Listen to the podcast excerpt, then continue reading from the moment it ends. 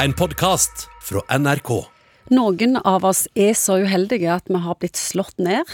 Det kan være blind vold, eller noen i familien som slår, eller du har blitt voldtatt og opplevd vold på andre måter. Kroppen din er iallfall ikke din lenger, noen andre gjør hva de vil med den.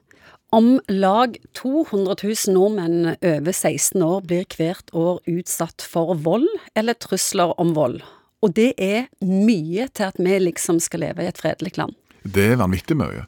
Og så er det liksom bare tapere på begge sider av dette. Altså Utøveren som utøver da vold, skader ikke bare den eller de som vedkommende er glad i, men og skader òg sin egen selvfølelse. Og det er sånn at Hvis du selv er blitt utsatt for vold, så er det den her at ting går litt i sirkel. At det er en større sannsynlighet for at du faktisk òg utsetter andre for vold. Hva konsekvenser får det for et menneske å bli utsatt for vold? Du får en følelse av å være liten, at du føler at du er skyldig, at du er mindreverdig, du blir redd og trist, i tillegg til selvfølgelig disse fysiske smertene og alt dette.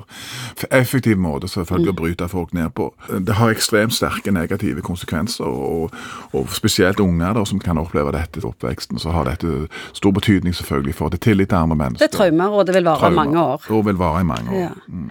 For unger som opplever vold i barndommen, vil det skade hjernen, eller Det er jo en del ting som tyder på at hvis du er utsatt for traumer, så kan du få en overreaksjon i forhold til vanskelige ting senere. At du får en, det vi kaller en hypersensitivitet i forhold til sånn vanskelige ting senere i livet.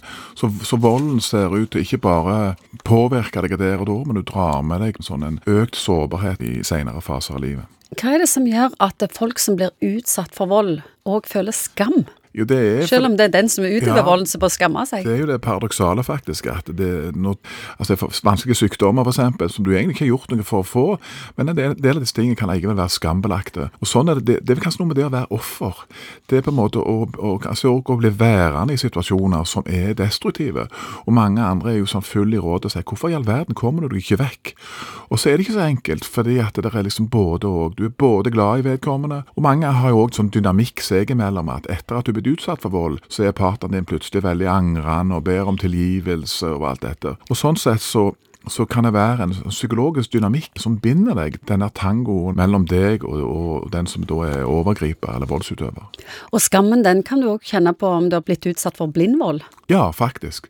Så er det jo en del ting som tyder på at disse blindvold er ikke alltid like blinde. Fort gjort at folk kan tenke at å, jeg burde ikke vært her, jeg burde vært en mm. annen plass. Selv om alle vet at du har selvfølgelig full anledning til å bevege deg hvor du vil, når du vil.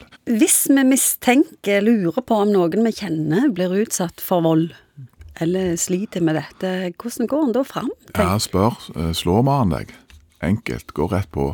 For hvis det er mye sånn uh, tjukk sminke og gått på skapdører og alt dette, så tror jeg det går an å spørre om de tingene. Jeg tror kanskje det har vi lært i forhold til veldig mange andre områder i livet, at hvis vi er usikre på om noen har opplevd noe veldig vanskelig, enten i forhold til vold eller depresjon eller tanker om å ta sitt eget liv, så er det lurt å gå rett på og spørre. Folk blir ikke dårlige av at du spør, men det ligger på en måte en ganske konkret omtanke i det å våge å lene seg over til den andre og si hvordan er det egentlig fatt med deg.